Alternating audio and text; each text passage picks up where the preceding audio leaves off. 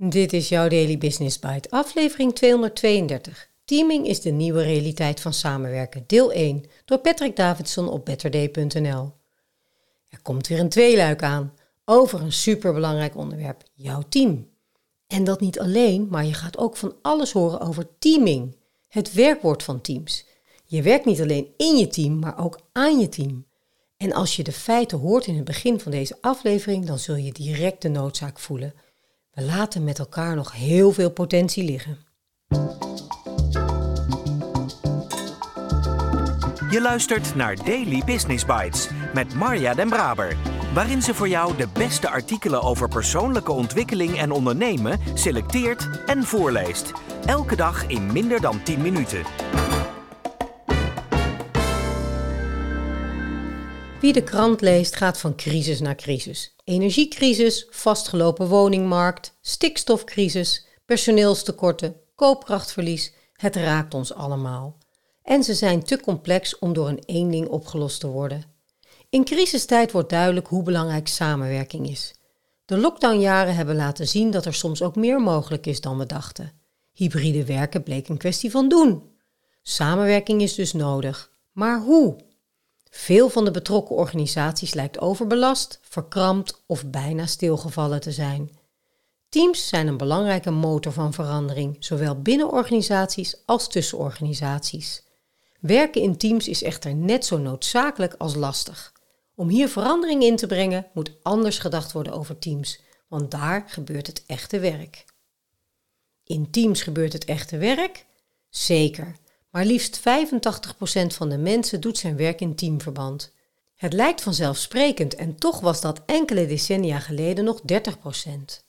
Steeds vaker werken we ook in meerdere teams tegelijk. Een hooggeschoolde professional is op hetzelfde moment lid van acht teams. Werken in teams is dus belangrijk. Uit onderzoek blijkt echter ook keer op keer dat de meeste teams ondermaats presteren. Wat weten we over werken in teams? 85% van onze tijd besteden we aan samenwerking, zo blijkt uit onderzoek. 80% van de teams voldoet niet aan de verwachtingen. De oorzaken? Langs elkaar heen werken, gedoe en sociaal luieren. De meeste teams, 66%, lukt het niet om betere ideeën te verzinnen en betere besluiten te nemen dan het beste teamlid alleen zou kunnen doen. Werken in teams leidt tot een gemiddeld rendementsverlies van 25%. Dit rendementsverlies neemt toe tot 75% naarmate teams groter worden. 3 tot 5% van de teamleden verricht zo'n 20 tot 35% van het werk, zo blijkt uit onderzoek. Dit leidt tot overbelasting en onderbenutting. Een professional werkt gemiddeld in 8 teams tegelijk. Kortom, werken in teams is belangrijk en er is genoeg bewijs dat teams veel beter kunnen. Maar hoe doe je dat? Die vraag fascineerde ons en was reden om op zoek te gaan naar positieve uitzonderingen en manieren waarmee elk team de rem eraf kan halen. We werkten ruim drie jaar aan ons nieuwe boek Teaming, de nieuwe realiteit van samenwerken, en interviewden daarbij ruim 150 vernieuwende denkers en doeners uit wetenschap, onderwijs, zorg, filosofie, bedrijfsleven en topsport in binnen- en buitenland. We spraken met vernieuwende denkers als Harvard-professor Amy Edmondson over teaming en psychologische veiligheid. Francesca Gino over risico's durven nemen. Rob Cross over overbelasting door samenwerking. Jeff Sutherland hoe teams een vliegende start kunnen maken en hoe hij Scrum bedacht. Gabrielle Oetingen hoe je obstakels je vooruit kunnen helpen. Matthew Syed hoe diversiteit in teams sterker kan maken en nog veel meer. En natuurlijk spraken we ook met vernieuwende doeners, zoals sportcoach van de eeuw Ton Boot, maar ook insiders bij Red Bull Racing en met de leiding van 's werelds meest succesvolle wielerploeg team Jumbo-Visma. De komende tijd delen we de belangrijkste lessen en enkele praktische tips en werkvormen. Je leert daarbij over een nieuwe vaardigheid, teaming, een nieuw soort team, het pop-up team en inspirerende praktijkvoorbeelden. Werken in teams is dus toe aan een update. Hoe dan? Het simpele antwoord luidt door onze manier van werken in teams, maar ook het werken aan teams te updaten. De vaak vergeten basisregels voor teams. We beginnen met de basis, want daar gaat het vaak fout in teams. In dit artikel vragen we je om een stap terug te doen door allereerst te checken of er wel sprake is van een team. Regelmatig komen wij in de praktijk grote groepen tegen. Denk aan 60 of 70 mensen die zichzelf een team noemen. Wanneer we hen vragen om zich te organiseren in kleinere groepjes van mensen met wie ze daadwerkelijk samenwerken om een doel te halen, dan ontstaan er bijna vanzelf 6 tot 7 kleinere groepjes. Dat zijn dan meestal de echte teams. Om een team te zijn is er namelijk sprake van beperkte omvang, gedeelde opgaven en wederzijdse afhankelijkheid. Laten we de drie spelregels voor succesvolle teams eens onder de loep nemen. Spelregel 1 voor succesvolle teams: beperkte omvang. Misschien wel de meest onderschatte factor bij het creëren van succesvolle teams is de omvang van het team. Werken in een team is vooral van belang bij complexe en taaie vraagstukken die vragen om een keur aan talenten, kennis en vaardigheden. Om die diversiteit goed te benutten, moet al die kennis en kunde voortdurend met elkaar worden uitgewisseld. En daar zit de crux. Als de omvang van je team te klein is, is er van diversiteit meestal geen sprake. Stijgt de teamomvang boven een bepaald punt, dan is de uitwisseling van informatie en de relatievorming steeds vaker een struikelblok. Teams raken uit balans, waardoor overbelasting en onderbenutting hand in hand gaan. Sociaal luieren en in een later stadium echt afhaken ligt op de loer. Is er dan een gouden formule? Nou, uit alle onderzoeken naar ideale teamomvang kun je in elk geval een vuistregel halen. Voor een optimale teamomvang hanteren de experts een omvang tussen de 5 en de 9 teamleden, 7 plus of min 2. Daarbij merken we op dat sportteams laten zien dat 11 geen onoverkomelijk probleem hoeft te zijn en dat er ook kleinere teams zijn van drie mensen die goed samenwerken. Tijdens een van de interviews voor dit boek interviewden we Jeff Sutherland, bedenker van de Scrum-methodiek. Deze voormalige gevechtspiloot maakte naam in de softwareontwikkeling dankzij de Scrum-methodiek. Hij legt ons uit dat Scrum bedoeld is om met een team snel een goed niveau te kunnen halen. Daarbij wees hij ons op Brooks Law. Grotere teams hebben allereerst meer tijd nodig om op hun maximale snelheid te komen. En ten tweede kan ons brein een beperkt aantal relaties aan. Terug naar de gouden regel 7 plus of min 2. In de praktijk zijn teams veel groter en dat heeft gevolgen, reken maar mee. Een team van 9 mensen heeft in totaal 36 verbindingen, want 9 maal 8 gedeeld door 2 te onderhouden tussen de teamleden. Een team van 60 mensen betekent 1770 verbindingen. 60 maal 59 gedeeld door 2. Dat kan ons brein niet aan. Dus als je spreekt over een team, hanteer dan als richtlijn vanaf 7 plus of min 2. Spelregel 2 voor succesvolle teams: een gedeelde opgave.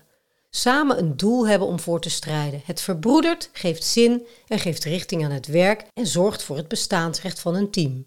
Doelen hebben een fascinerende aantrekkingskracht. Ambities fungeren als sterke magneten. Ze oefenen een onweerstaanbare kracht uit en dagen mensen uit. Ze motiveren en vragen het uiterste van teamleden. Het is dan ook niet verwonderlijk dat het formuleren van een gezamenlijk doel of een gedeelde opgave in de literatuur stevast wordt genoemd als randvoorwaarde voor teamsucces. Volgens speltheoreticus en Nobelprijswinnaar Thomas Schelling worden gezamenlijke acties vanuit het doel achterwaarts gecreëerd. Als mensen zich realiseren dat ze gemeenschappelijke doelen hebben, dan proberen ze vervolgens vanuit dat doel terug te denken om te bepalen welke acties daarvoor nodig zijn en hoe ze hun gedrag op elkaar kunnen afstemmen. Dus als je eerst een doel bedenkt, dan volgt de actie min of meer vanzelf. Echter, nogal wat teams opereren zonder gemeenschappelijk doel. De waan van de dag regeert en individuele teamleden bepalen zelf hun prioriteiten. Het gevolg? Iedereen doet maar wat en werkt langs elkaar heen. Naast het ontbreken van heldere doelen zien we ook regelmatig dat er vage en abstracte doelen worden nagejaagd. Spelregel 3 voor succesvolle teams: wederzijdse afhankelijkheid. De ware kracht van teams blijkt pas op het moment dat teamleden ervaren dat ze afhankelijk van elkaar zijn. Ga daarom altijd na of er sprake is van wederzijdse afhankelijkheid en zo ja, hoe die eruit ziet. Soms zul je merken dat een team bestaat uit mensen die weliswaar min of meer dezelfde activiteiten verrichten, maar die elkaar daar niet echt voor nodig hebben. In zo'n situatie valt het te begrijpen dat er weinig animo is om allerlei meetings en andere teamactiviteiten bij te wonen. Die dragen immers weinig bij aan hun resultaten.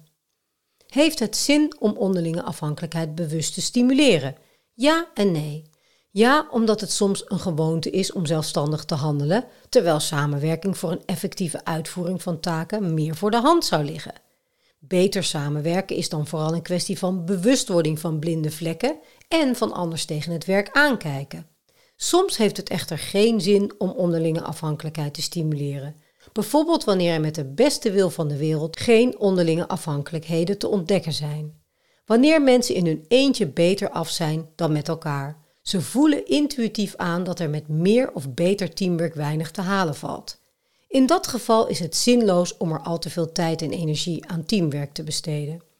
Dan kun je beter kiezen voor minder verplichtende samenwerkingsvormen. Spreek voortaan van een afdeling, een netwerk, een groep of gemeenschap.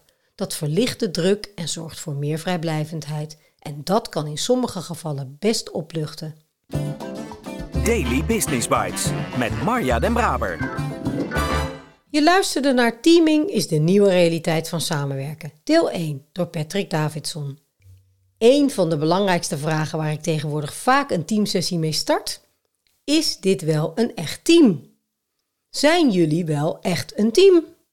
Verbaasde blikken, verontwaardiging, herkenning, alle emoties komen wel voorbij. En daarna volgt er meestal een geanimeerd gesprek en hoor ik voldoende aanknopingspunten om in de komende sessies mee aan de slag te kunnen.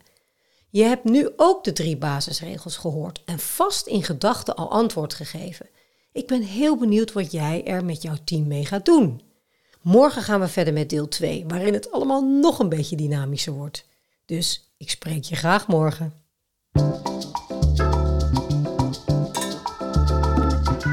Dit was Daily Business Bites. Wil je vaker voorgelezen worden? Abonneer je dan op de podcast in je favoriete podcast-app. Meer weten? Klik op de links in de show notes.